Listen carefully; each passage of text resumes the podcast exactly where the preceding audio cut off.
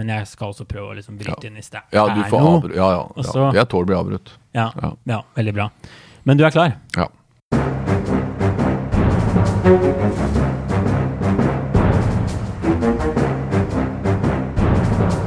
Da ruller vi i gang med en eh, ny episode av Aftenpodden USA. Og jeg er da, som vanlig, USA-korrespondent Øystein Langberg. Og jeg sitter nå på et hotellrom, ikke på Manhattan, sånn som jeg pleier å gjøre, men i Washington DC. Og på den andre siden av bordet her så sitter ingen ringere enn Jens Stoltenberg, Natos generalsekretær. Så velkommen. Tusen hjertelig takk. Du, I dag så skal vi snakke litt om sikkerhetspolitikk. Jeg skal prøve å stille noen spørsmål om Kina, litt om Trump. Men jeg har lyst til å starte med at det er en USA-pod. Litt om ditt personlige forhold til eh, USA og dette fascinerende landet. Og jeg tenker jo som Nato-generalsekretær så er du kanskje programforplikta til å like USA. Uh, mye skryt av USA i da, hverdagen, men jeg har lest meg litt opp på din, ditt privat, eh, private forhold òg. Og det er mange sterke transatlantiske forbindelser i familien din. Så kanskje vi kan starte Vi kan starte med moren din. da. Hun er faktisk født i USA. Hun er født i Patterson, New Jersey i 1931. eh, Og eh, det er hun fordi hennes foreldre utvandret til USA på 1920-tallet. Eh, De rakk akkurat å prøve å få startet en bedrift her, og så kom depresjonen. Og så flyttet de hjem igjen da ut på 30-tallet og rakk annen verdenskrig i Norge, før de flyttet tilbake igjen til USA igjen. Perfekt timing Ja, på begge krisene. Men, eh, men eh, hun er født og oppvokst eh, altså var syv-åtte år gammel eller noe sånt, da hun da flyttet hjem til, til Norge. Så hun er veldig, var veldig amerikansk, veldig tilhører til, til Amerika.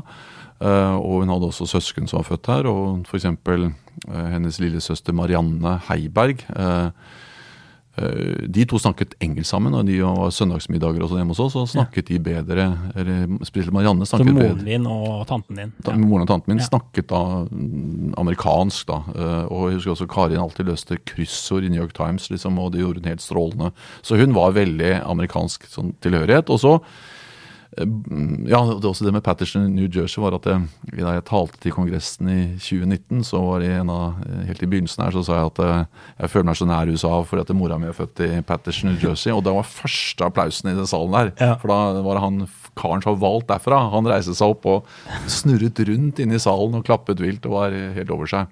Ekstase over det. Men Ja. det er jo også en litt rar ting som jeg ikke visste meg innrømme. Men altså, så at Leonard Cohen har noe med dette her å gjøre også.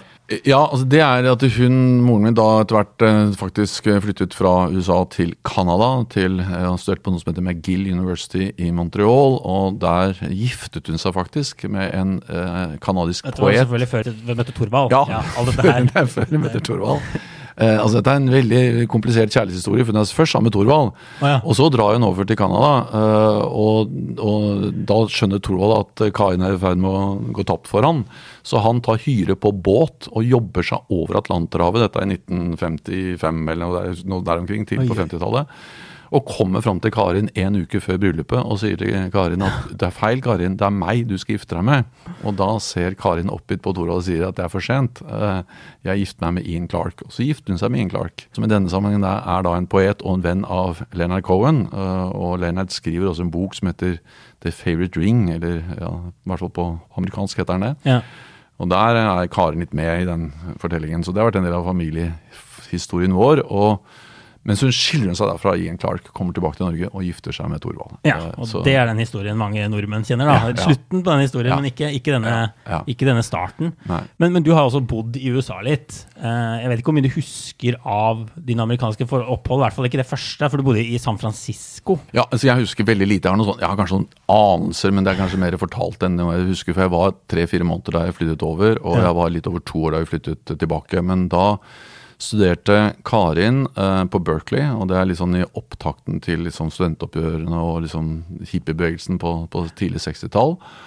Og, som er resultert i San Francisco. eh, Og, eh, og Thorvald er eh, på sin første oppdrag som UD-diplomat. Mm. Han er generalkonsul i San Francisco og håndterer mye norske sjøfolk og sånn som kommer dit. Eh, Men det var noe jeg fortalte Nancy Pelosi, da. eh, Og hun er også veldig, de er alle veldig opptatt av den Ja. det, det stedet de selv kommer fra. Så, Så hun hadde fått med seg det. en eller annen sånn, eh, De er jo så godt oppdatert. da, så når jeg fortalte henne om det, så ble hun også veldig glad for at jeg liksom hadde tilknytning til San Francisco uh, og California. Så du kan bruke disse historiene De bruker jeg for bruker, alt ja. det er verdt. Uh, og, de, og jeg, jeg, har egentlig lært mer om mitt amerikanske liv eller mitt forhold til USA i denne jobben nå enn jeg egentlig visste før. Jeg, jeg hadde veldig uklart forhold til hvor i USA Karin var født, men ja. det, det, lærte jeg faktisk før den talen. Ja og brukte det. Så jeg må ikke misbruke det, men, men det er fint å fortelle om tilknytninger. og og alt dette, altså, men først og fremst så tilhører jeg jo en generasjon i Norge som har vokst opp med et veldig nært forhold til USA. hvor, ja. hvor USA var all musikken, all kulturen, alle opplevelsene. Eh, eh, så, så, vi beundret og var tiltrukket, og jeg har alltid vært tiltrukket og fascinert av USA. Mangfoldet, alt det de står for, alt det som skjer. Skaperkraften. Eh, men jeg har også levd et politisk liv hvor vi var veldig mot mye av det USA drev med. Eh, ja. F.eks. Vietnamkrigen var jo det som egentlig først gjorde meg politisk aktiv. var å demonstrere mot uh, USAs krigføring i Vietnam. Så det var ikke bare nesegrusbeundring uh, for USA gjennom hele oppveksten? på en måte? Nei, tvert imot. Jeg si at det, Da jeg begynte å bli bevisst, om altså ung, og begynte å aktivisere meg eller bli politisk aktiv. Uh, først i Vietnam-arbeid, og så etter hvert i AUF. Så mm. var det jo sånn du sa jo ikke at du beundret USA. Nei. USA var noen du egentlig var litt mot. Ja, det har jeg lyst til å spørre deg om, fordi vi da, da du ble AUF-leder i 1985, så hadde Aftenposten en sak om uh, hvor overskriften var 'Brudd med Nato er vårt mål'. Mm. Det var jo da et intervju med deg, uh, påtroppende AUF-leder. Og da hadde jo AUF som mål å ta Norge ut av Nato-utmeldelse. Men så hører du med til historien at du jeg vet ikke om du hadde fortalt det da du ble valgt som leder, men, eh, men du i løpet av noen år klarte jo å snu hele AUF til å bli et uh, mer Nato-vennlig parti, da, til å ville bli i Nato. Ja. Altså, hvor, hvor, kom den overbevisningen om at det var en ting du ville på en måte gå i ilden for? For det var mye skeptikere, som du sier, i det, det partiet, ungdomspartiet. Altså, AUF var jo mot Nato fra slutten av 60-tallet og, fram til AUF endret standpunkt i 1987. Da hadde mm. jeg vært AUF-leder i to år. Jeg hadde vel aldri vært så veldig overbevist om at det var et riktig standpunkt, men siden det var AUFs standpunkt, så var det på en måte også mitt standpunkt, fordi vi, det var der jeg var med. Ja. Men jo mer selvtillit jeg fikk, og jo mer eh, trygg jeg ble på min posisjon i AUF også som leder, så forsto jeg, så ble jeg opptatt av å jeg vil rydde opp i standpunkter jeg mente egentlig var litt foreldet og litt utdatert og litt tilhørte liksom 60- og 70-tallet. Ja. Så da valgte jeg å ta den, den jobben. da, og det det var, jeg husker det var Turi Birkeland som var nestleder, var med på det. Rune Bjerke som satt i den komiteen, han var med på det. Vi var eh, flere andre som, som, tok en skikkelig eh, kamp. Eh, for det var en symbolsak. ikke sant? Det at, NATO, det at AUF skulle gå fra å være mot Nato til å være for Nato. Men hvorfor var du så overbevist om at det var riktig? Altså, Har dette noe med, med alle Amerika-forbindelsen din og sånn å gjøre, eller hva, hva, tror du? Nei, Jeg tror det er mer enn at jeg er et pragmatisk menneske, og jeg anså det å på en måte være for å gå ut av Nato som et helt, helt feil standpunkt. Jeg, jeg, jo, jeg, tror jo veldig på internasjonalt samarbeid. Jeg tror jo veldig på at du må være sammen med andre land, sitte i organisasjoner. og ja. I usikre og utrygge tider så er det enda viktigere. Jeg var jo også veldig tilhenger av EU. Hadde... Men du tok Nato-kampen og ikke EU-kampen? Ja, men altså, da, da var jo, var, Nato var nærmere å få til enn EU. Og dessuten, på det tidspunktet var jo ikke EU en sak uh, i Norge. Uh, det kom litt senere.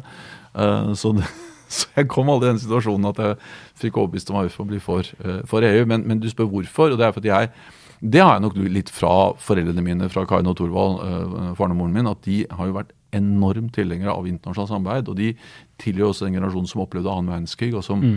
tror på ideen om at land må sitte rundt forhandlingsbordet, møtes i møterom, ikke på slagmarken. Og både EU og Nato er jo ektefødte barn av annen verdenskrig og er laget for å hindre krig. og Den tradisjonen, den tenkningen, den hadde jeg med meg inn i AUF, og var noen av argumentene jeg brukte for å få AUF til å gå for Nato. Ja. Jeg husker vi brukte sånne begreper som nærkamp i Nato. Vi skulle fortsatt ikke være enige med USA. Nei. Vi var jo f.eks. veldig imot det USA drev med i Mellom-Amerika, kontras Contras i Nicaragua og sånne ting. Så det var ikke sånn at vi var for USA fordi vi var for Nato, men vi var for å være i en organisasjon og bruke ja. kreftene våre der istedenfor å stå på utsiden. Ja. La oss spole frem til i dag, da. Altså, jeg, jeg, dekket jo Nato i tre år, fra 2015 til 2018, og da snakket vi knapt om Kina. På noe intervju du og jeg, og det var dels fordi jeg ikke spurte, men også fordi når jeg spurte, så var det ikke så lett å få deg til å si noe om Kina. Det var i hvert fall min oppfatning. Nå snakker du jo masse om Kina. Det er ikke vanskelig å få deg til å, snakke om Kina i det hele tatt. Det var uh, temaer på møtene her i USA nå. Vi får si du har møtt Joe Biden, presidenten, forsvarsministeren, nasjonale sikkerhetsrådgiveren. Du jobber iherdig med å få Kina på dagsorden i Nato. Så hva er det med Kina som nå gjør deg så bekymret, og som gjør at dette er så aktuelt nå? Kinas vekst er i ferd med å forandre verden. Ehm, det er mye positivt med det. Det har gjort at hundrevis av millioner av mennesker er løftet ut av fattigdom. Eh, vi, eh, det er viktige markeder for, for vår økonomi, for, for norsk økonomi. Mm. Eh, så det er mye positivt. Men det er også noen store utfordringer ved at de bruker mye av den økonomiske styrken til å investere i nye, store militære kapasiteter nye kjernefysiske eh, våpen. Og de bruker sin økonomiske og militære makt til å true andre land, ikke minst i Sør-Kina-havet, der de også lager kunstige øyer tar seg til, eh, til rette. Mm. Så det endrer den globale maktbalansen. Eh, og selv om vi ikke anser Kina som en eh, fiende, tvert imot et land vi må snakke med om nedrustning, om klima og mange andre ting, så må Nato forholde seg til at dette betyr noe for vår sikkerhet. Og det, er langt fra Sør-Kina-havet til Norge eller Brussel eller Natos kjerneområde? Ja, men, men, det som jeg mener blir klarere og klarere, at det er et kunstig skille. Det si at Nato skal være opptatt av Russland og Europas sikkerhet i Europa. Uh, uh, og så får USA og andre ta seg av uh, vår sikkerhet i Sør-Kina-havet eller i Stillehavet eller i Asia. Fordi det henger sammen. det er ett stort sikkerhetsbilde. Og det som skjer i den delen av verden, spiller også en rolle for vår sikkerhet. Mm. Og Kina kommer også nærmere oss. Vi ser dem i Afrika, vi ser dem i Arktis, vi ser dem i, i vår eget kontinent, i Europa ved at de f.eks. investerer tungt i avgjørende kritisk infrastruktur. Vi hadde hele diskusjonen om 5G. Eh, mm. Da vi begynte å snakke om det som en sikkerhetsutfordring, så var det mange land som sa nei, nei, dette er et, bare et økonomisk spørsmål, det er ikke et politisk spørsmål. Men nå opplever jeg at alle Nato-land har skjønt at hvem som kontrollerer 5G-nettverket, eller liksom grunnstrukturen i framtidas uh, økonomi og, og kommunikasjon, mm. det har faktisk en rolle. og Derfor var det en viktig endring som skjedde der eh, de siste, altså fra 2019 omtrent og fram til i dag. Men, men altså, det er ikke bare Nato som har gjort en brå, brå kursendring. Jeg så på noen sånne tall fra Gallup eh, her i dag. og Så sent som i 2018 så var det flere amerikanere som faktisk hadde fordelaktig syn på Kina enn et ufordelaktig. Og så har det bare Kinaskepsis nærmest eksplodert. Og nå er det sånn 79% av amerikanere som har et ufordelaktig syn. Hva er det som har skjedd her, egentlig? Altså det er en gradvis uh, utvikling, det som har skjedd altså reelt sett. altså Kinas uh, økte militære og økonomiske styrke, hvordan de bruker den mot andre land. Vi har sett det mot Australia nylig, vi har sett det mot Canada. Vi så det også i og for seg mot Norge. Mm. Fordi en norsk nobelkomité ga fredsprisen til en kinesisk opposisjonell, så, så, satt Kina også i fryseboksen. Det er egentlig helt uakseptabelt, den måten de behandlet Norge på. Mm. Men det som har skjedd i siste, er jo også f.eks. det brutale måten de har slått ned på demokratiet på i Hongkong. Uh, det er mange millioner mennesker som levde i et form for demokrati, og som ikke nå gjør det lenger. Det, det, det, er, ikke, det er, jo naturlig, det er jo bra at folk reagerer på det. Ja. Det har vært mye mer oppmerksomhet om hvordan de forfølger uh, ugyrene, altså en minoritet uh, i Kina.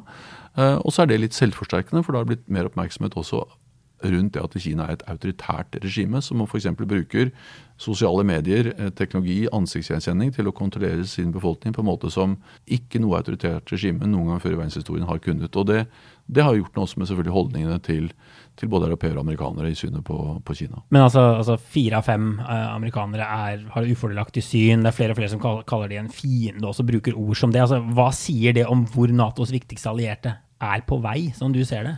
Nei, De ser jo Kinas uh, kraftige økonomiske militære vekst. Uh, de ser de truslene og farene det kan innebære. Jeg er opptatt av at vi skal prøve å få et mest mulig felles forståelse, og ikke gjøre det verre enn det er. Ikke skape nye fiendebilder, men være realistiske og nøkterne i vurderingen av hva Kinas kraftige vekst innebærer, også for vår sikkerhet. Og det handler ikke om å isolere dem, det handler ikke om å ikke snakke med dem. Jeg hadde nylig en lang samtale med Kinas utenriksminister om ønsket fra Natos side for å ha dialog, bl.a. Mm. om rustningskontroll. Men det handler også om å være realistiske og forstå hva det innebærer. Både for alle de menneskene som lever under et undertrykkende regime i Kina, men også hva det innebærer for naboer, eh, men også for land over hele verden. Ja, Men, men altså det at flere og flere amerikanere er så, så skeptiske, du vil ha Kina på agendaen i Nato. Er, altså er, du redd for å bidra til en negativ spiral her? Man kan se for seg at folket får mer og mer negative holdninger. Politikerne overbyr hverandre i Kina-motstand. Vi ser at Biden viderefører Trumps linje på Kina ganske mye. altså en Ganske sånn Kina-kritisk linje. At det kan ende i en krig til slutt som kunne vært unngått fordi man peiser opp dette spørsmålet? Altså Jeg mener det er viktig at vi er nyanserte og balanserte. og jeg prøver å være det i all min kommunikasjon om Kina, inklusiv at deres vekst har også bidratt veldig til å løfte eh, mange mennesker, millioner, hundrevis av millioner mennesker ut av fattigdom. Vært viktig for vår økonomi. Mm. Men, men, det å, det å ikke forholde seg til det, som egentlig var Natos holdning fram til 2019, det mener jeg i hvert fall er feil. Det er ja. ikke mulig å si at det ikke spiller noen rolle kan diskutere akkurat hva slags rolle. Man kunne sagt at det var ikke en rolle for Nato å spille her, da? Ja, men Det er ikke mulig, det er, det er ikke mulig for en allianse som uh, representerer nesten én milliard mennesker, halvparten av verdens nasjonalprodukt, uh, og som også har uh, land som også grenser mot Stillehavet, å ikke forholde seg til Kinas framvekst. Mm. Det å si at den, den, makten i verden som nå har verdens nest største militærbudsjett, som har verdens største marine, som utplasserer stadig mer langtrekkende avanserte våpensystemer, inklusive atomvåpensystemer, som bygger store nye siloer for langtrekkende atomraketter. Eh, som vi møter i cyberspace eh, her vi er, eh, både i Nord-Amerika og Europa. og som vi ser kommer, opererer i Afrika og Arktis og andre steder det, det, er ikke mulig å si at det ikke spiller en rolle for vår sikkerhet. Og jeg mener det er helt kunstig skille å si at vi skal forholde oss til Russland, men ikke til Kina. Altså Russland og Kina samarbeider jo mer og mer, øver mer og mer, opererer mer sammen militært. Mm. Uh, så, så, det å tenke seg at det ikke er noe vi skal forholde oss til, det er feil. Ja. Uh, så jeg er i hvert fall glad for at uh, fra 2019, hvor vi hadde første gangen Kina på dagsordenen i Nato, så har vi nå etter hvert begynt å utvikle mer felles forståelse, og 5G var kanskje en prøvestein. Første egentlig eh, område der Nato greide å håndtere eh, noe på en stor grad av, altså samordnet måte på noe som ja. er viktig for vår sikkerhet. Men, men, gjør du dette for at Nato skal være relevant for USA fortsatt? Er det viktig for å holde alliansen sammen? Er det på en måte hovedgrunnen til at Kina settes på agendaen? Fordi en del europeiske land er kanskje, har litt annet syn på Kina. da. Det er ikke alle som har vært like for at Nato skal ta dette opp, og i hvert fall ikke gjøre det til en sentral del. Altså Jeg gjør det fordi jeg mener det spiller en rolle for vår sikkerhet. Uh, og da spiller det en rolle for Nato. For Nato er en organisasjon som skal trygge én milliard mennesker og bidra til å trygge freden. Det jeg også ser, er at uh, det er mye større grad av enighet uh, og mye mer sammenfallende synspunkter i Nato nå på dette enn det var for bare et par år siden. Det er jo ikke sånn at man har felles syn på alt. Det er ikke sånn at man er enig om alle formuleringer og, og alle aspekter ved Kina. Eh, men altså fra at vi i 2019 hadde flere land som mente at det ikke var et tema overhodet, ja. Eh, så er det slik at vi nå på toppmøtet i juni for første gang faktisk hadde en god del felles standpunkter, felles synspunkter, som er utviklet over tid, eller i hvert fall fra 2019, eh, i Nato. Og også vi ser at det innebærer noe med, for betydningen vi nå felles ser når det gjelder satsing på teknologi. Når det gjelder å samarbeide med våre partnere i Stillehavsregionen, altså Australia, New Zealand, Japan og Sør-Korea. Mm. På maritim sikkerhet, på teknologi, på cyber. Så vi har, sett en, vi har sett en mye større grad av sammenfallende felles erkjennelse av at vi kan ikke bare si at dette er et økonomisk spørsmål, dette er bare en handelspartner. Dette handler om grunnleggende verdier. Ja. Eh, det handler om å si fra når vi ser at menneskerettigheter krenkes, men det handler også om å eh, forstå de potensielle sikkerhetspolitiske konsekvensene for Nato. Jeg har også lyst til å spørre deg litt om uh, Trump. Altså, Du møtte jo Joe Biden i dag, og, Trump som satt før han. Altså, alle vestlige ledere, når man ser på hvem som håndterte Trump best, så kom du relativt godt ut. Han kom i hvert fall ikke så godt overens med Angela Merkel. Theresa May slate. Emmanuel Macron forsøkte seg med sånn bromance, ble det kalt. Den varte ikke så, så, fryktelig lenge. Og noen har kalt det sånn Trump-whisper, altså Trump-hviskeren. Han har kalt deg har sagt at du er hans største fan i hele verden. Så jeg bare lurer på, altså, Kan du si noe nå om hva er det som fungerte mellom dere to? Det jeg la vekt på da han ble valgt, det var at uh, vi skulle gjøre det vi kunne for å vise at på tross av store politiske forskjeller, uh, på, på, tross av veldig ulik politisk stil mellom ulike politiske ledere, også da den foregående presidenten som var Barack Obama og ham, mm. så skulle vi sørge for at Nato var uh, samlet. det opplevde jeg også var veldig sterkt ønske fra oss europeiske ledere. Ja. mange av de du nevnte som, som hadde et litt vanskelig forhold til USA på den tiden, var også opptatt av at at jeg skulle gjøre, bidra til det. Og strekke deg langt for å holde alliansen Jo, men samtidig ikke gjøre ting som ikke jeg kan stå inne for. Og, og jeg vet akkurat hva jeg sa. Jeg, jeg sa for første i mange ganske krevende diskusjoner med president Trump, eh, så diskuterte vi alt fra eh, nedrustning eh, Vi hadde noen runder også i forhold til f.eks. dette med, med klima og, og, og, og sikkerhet. Og, vi hadde eh, også diskusjoner for eksempel, hvor jeg understreket viktigheten av artikkel 5. Ja. Eh, altså den kollektive forsvarsbestemmelsen i Nato. Det jeg sa til han, eh, og også sa offentlig flere ganger, det var jo at det er i USAs interesse å ha et sterkt Nato. Jeg prøvde å liksom synliggjøre at det er ikke sånn at Nato er noe USA gjør for å være snille mot Europa. Nato er i USAs sikkerhetspolitiske interesser. Jeg brukte bl.a. Kinas framvekst. Ja. Eh, Sammen med de andre Nato-landene så er jo eh, USA eh, mye større enn Kina, eh, både militært og økonomisk, altså når man tar hele alliansen Ja. samlet. Mens de ikke er det, hvis du bare ser på USA i forhold til Kina. Så det er en stor fordel for USA å ha venner og allierte. Det, det var budskapet mitt til han, og jeg prøvde å overbevise han om det. Og, og, og, ja, jeg bare vet at Dere blant annet har vist ham noen grafer. Blant annet. Altså, det er jo kjent at Trump likte grafer, sånn enkle fremstillinger av, av ting. Det var en del av kommunikasjonen. Jeg vet at Du var på Fox News i 2019 og, og sa at eh, pengebruken hadde økt med 100 milliarder dollar siden Trump tok det over. Og Det tok ikke lang tid før han tvitra triumferende da. altså Tilpasset dere kommunikasjonen for å holde måte, kanalen oppe? Altså Det viktigste vi gjorde, var å fortelle om at dette er bra for USA. eh, At et sterkt Nato er god, bra for Europa, men også eh, bra for eh, Amerika. Eh, Og, vi hadde en del krevende diskusjoner f.eks. om dette med artikkel eh, 5. Men, eh, men det vi også gjorde, og som jeg var opptatt av, det var å eh, fortelle han at det han var mest opptatt av, nemlig at europeiske Nato-land skulle investere mer, at der skjedde det ting. Eh, Europeiske Nato-land faktisk gjorde det de lovet. Ja. Og da hadde jeg Jeg er glad i grafer selv, så jeg, vi lagde veldig fine grafer med eh, rødfarger hvor det gikk ned. fordi at alle europeiske Nato-land eller de fleste europeiske land hadde kuttet forsvarsutgiftene gjennom mange år. Ja. Men fra 2014 så hadde det begynt å gå opp igjen. Og vi la sammen de tallene og, og la bl.a. Uh, tallet 100 milliarder på, eh, på bordet. Eh, og det, selvfølgelig var det bevisst. altså Det var et målrettet budskap til han. Ja. At det han var mest opptatt av, der, der, Der leverte det, der leverte Ja. Nato-land. Og, og, og der sa jeg også ting som jeg absolutt står inne for den dag i dag. Uh, nemlig at det, hans klare budskap hadde en effekt. Det var det jeg sa. Eh, og det tror jeg eh, kan være enig og, eller uenig med mm, president Trump i mange ting. Og det er det mange Ja, Du har jo pleid å si til meg når jeg har pressa deg for at dere har forskjellig stil, f.eks. dere to. Det eh, ord Ja. brukt tidligere. Det er riktig, men, altså, men, det, men det er jo også selvfølgelig Det var jo også substansdiskusjoner, f.eks. med artikkel 5 eller, eller, eller nedrustning og sånn. Så eksempel viktigheten av å forlenge det som heter New Start-avtalen, som Ja. var et tema uh, på slutten av Trumps periode. Men, men det man i hvert fall må erkjenne, det er at USAs krav eller ønske om at europeiske Nato-land bidrar mer til byrdefordelingen i, i alliansen, det er jeg, der var jeg enig med, med, med president Trump. Akkurat som jeg er enig med president Barack Obama, som var den som faktisk formulerte det kravet på toppmøtet i 2014.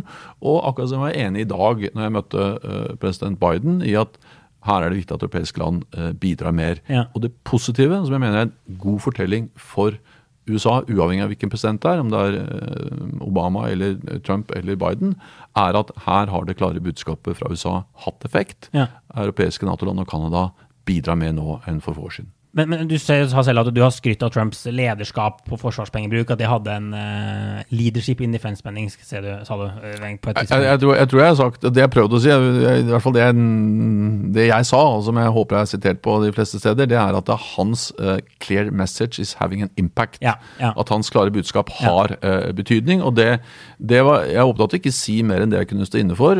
Det sa jeg, og det, det, det mener jeg er riktig, og det mener jeg han, han fortjente. Ja, men her hjemme i USA, her hjemme sier jeg, eh, her det, altså, ble det brukt som et bevis på at Trumps eh, utenrikspolitikk fungerte, at han hadde suksess i utenrikspolitikken, eh, og, at han fikk på måte, skryt fra, fra Nato-sjefen.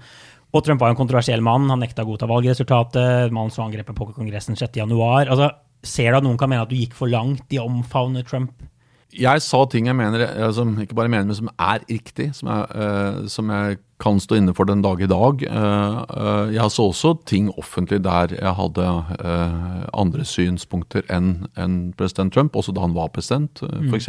på New Start-avtalen eller på klima som en sikkerhetspolitisk utfordring. Det var områder der, der vi ikke var enige, men hvor like formulerte det både i møter, men kanskje i denne sammenheng viktigere offentlig mens han var president. Men jeg mener at både for å bidra til å holde alliansen samlet, men også fordi det faktisk var sant og riktig at hans klare budskap om betydningen av at europeiske Nato-land investerte mer, hadde en effekt, så mener jeg det var noe som eh, jeg burde si, og jeg skulle si, fordi det faktisk var eh, det som var de faktiske forholdene. Men hva, hva tenkte du etter valget, da? Altså etter, eh, etter valget i fjor høst, løgnen om, om om valgresultat, og så dette 6. januar, stormingen av Kongressen. Altså, hva følte du da du så disse tingene? Jeg følte det var veldig alvorlig. Uh, og jeg følte at det angrep liksom, kjerneverdiene i det Nato bør stå for, nemlig demokrati og, og fredelig maktovertagelse eller overdragelse etter, en, etter, en, etter, et valg, er jo kjernen i det.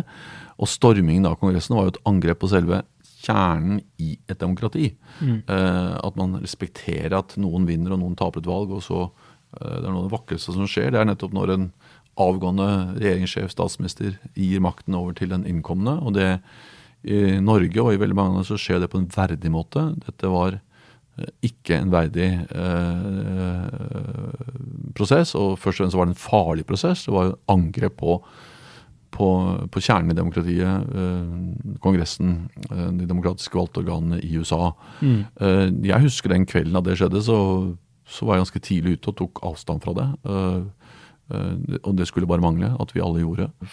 Fordi det var så alvorlig. Heldigvis har jo USA nå kommet seg over det. Eh, men vi ser at USA dessverre er fortsatt er et ganske splittet land. Det er fortsatt mye diskusjon om dette valget var gyldig eller ikke. Det er jo først og fremst en intern amerikansk diskusjon. Men, men det som skjedde 6.1, stormingkongressen, det var ekstremt alvorlig. Men du føler at fortsatt er et land de kan stole på i Europa? Når du ser det de har vært igjennom Jeg får masse meldinger fra Trump hver eneste dag. Han samler inn penger fra tilhengerne sine. Han planlegger kanskje å stille igjen i 2024. Altså, er det trygt å stole på USA også de neste 50 årene? på en måte? Altså jeg kan ikke garantere for de neste 50 årene. Uh, og det er også sånn i demokratier at du kan aldri vite helt sikkert hva velgere stemmer på. Uh, um, og, land kan gjøre valg som, som, ikke er, som, ikke vi er tjent med. Men, men, ser du på Natos historie, så er det jo helt så er det ganske overveldende hvor utrolig land eh, som er forskjellige fra begge sider av Atlanterhavet, med ulike historier, ulike politiske partier i regjering, har greid å alltid samles om det viktigste, nemlig at vi står sammen, én for alle, alle for én. Mm. Uh, og grunnen til at vi har greid det, uh, på tross av masse kriser og uenigheter, er at det er i vår sikkerhetsinteresse å stå sammen. Altså Hvert enkelt land er tryggere, også USA, mm. når vi står sammen. Og det gjelder jo spesielt i en tid hvor vi ser mer global Eh, rivalisering mellom stormakter, når vi ser den globale maktbalansen endrer seg, og når vi står overfor eh, store nye sikkerhetstrusler i cyber, eh, klimaendringer og andre ting som, som ikke enkeltland kan håndtere alene, men bare sammen. Så vi som tror på internasjonalt samarbeid, spesielt i usikre tider, vi må jo bare fortsette å jobbe for sterke internasjonale institusjoner som Nato. Mm. Og så får vi eh, ha tillit til at eh, de demokratiske valgene i alle medlemsland, men spesielt USA det største, i gir tilslutning til det. Og én ting som jeg har måttet miste i forhold til det, det er dels at det, vi, vi, har gjort det i over 70 år. Ja. Uh, men, men, men f.eks. hvis du uh, når du går på Kongressen eller møter republikanerne og demokratene her i USA, det er jo veldig sterk bipartisan, altså tverrpolitisk oppslutning. oppslutning. om Nato. Og, og, og, da det var stilt spørsmål om Trump støttet Nato, så vedtok jo Senatet med nesten 100 eh, tilslutning en egen støtteresolusjon til Nato. Både republikanere og demokrater. Ja. Så jeg opplever en, at det er veldig dypt forankret. Og ser du på meningsmålingene i USA, så er det faktisk økende tilslutning til Nato. Ja, Så vi kan sove relativt godt om natta eh, fortsatt, er budskapet etter, etter disse årene. Du, eh, bare til slutt, vi skal, vi skal runde av her eh, snart. Ehm, jeg vet ikke hvor mye du følger på alt som skrives hjemme i Norge. Du vet jo at det har vært et valg, eh, det er jeg helt sikker på. Ehm, og så spekuleres det jo i hva som skjer med deg når du er ferdig i Nato. Så jeg må nesten stille deg spørsmål om det. Og jeg, særlig så stiller jeg spørsmål altså, tenker du, eller kunne du tenke deg å avslutte karrieren ved å sette styringsrenta i Norge? Tror du det kunne vært gøy? Ja, altså Det ville vært litt tilbake til start for din del. Eh, eh, Mitt fag er økonomi, det er det jeg utdannet meg til. Og, og det var jeg, jeg Jeg har faktisk gjort ett veldig aktivt politisk yrkesvalg i livet, at jeg ikke skulle bli politiker. Ja. For etter å ha vært AUF-leder i, i, fire år og vært på heltid der, så, så, sa jeg eh, til meg selv og til Ingrid, kona mi, at nei, eh, politikk det var for overfladisk, og det var så svart-hvitt, og det var altfor forenklende, så jeg skulle drive med noe rent, noe ordentlig, noe, noe skikkelig noe. Så jeg skulle bli forsker. Det går ikke så bra med den planen. Nei, det gikk Nei. ikke bra med den planen. Uh, uh, men jeg greide å klore meg fast i Statistisk, i Statistisk sentralbyrå og begynne på en, noe som skulle bli en doktorgrad om, om miljøøkonomi og etterspørselsrelasjoner i en disaggregert uh, modell. Sånn økonometrisk modell. Det gikk ikke bra, men, men det er mitt opprinnelige fag. Ja. Um, så sentralbanksjef, du avviser nei, ikke helt? Nei, men, nei, men så er poenget. Jeg er nå opptatt av den jobben jeg har. Ja. Eh, det har alltid vært eh, mitt ledetråd i livet. At Fokuser på den jobben du har, ikke tenk så mye på neste jobb, for det gjør noe med hjernen din og fokuset ditt. Eh, og, og så skal jeg håndtere hva jeg gjør når jeg kommer til Norge på et senere tidspunkt. Ja. Say hello to a new era of mental health care. Cerebral is here to help you achieve your mental wellness goals with professional therapy and medication management support. 100% online. You'll experience the all new Cerebral Way, an innovative approach to mental wellness designed around you.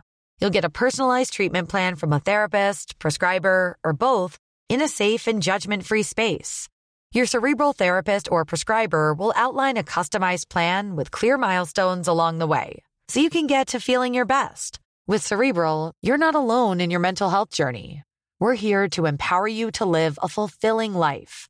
So take that first step towards a brighter future and sign up today at cerebral.com slash podcast and use code ACasts to get 15% off your first month. Offer only valid on monthly plans. Other exclusions may apply. Offer ends July 31st, 2024. See site for details. Hey, I'm Ryan Reynolds. At Mint Mobile, we like to do the opposite of what Big Wireless does. They charge you a lot we charge you a little. So naturally, when they announced they'd be raising their prices due to inflation, we decided to deflate our prices due to not hating you.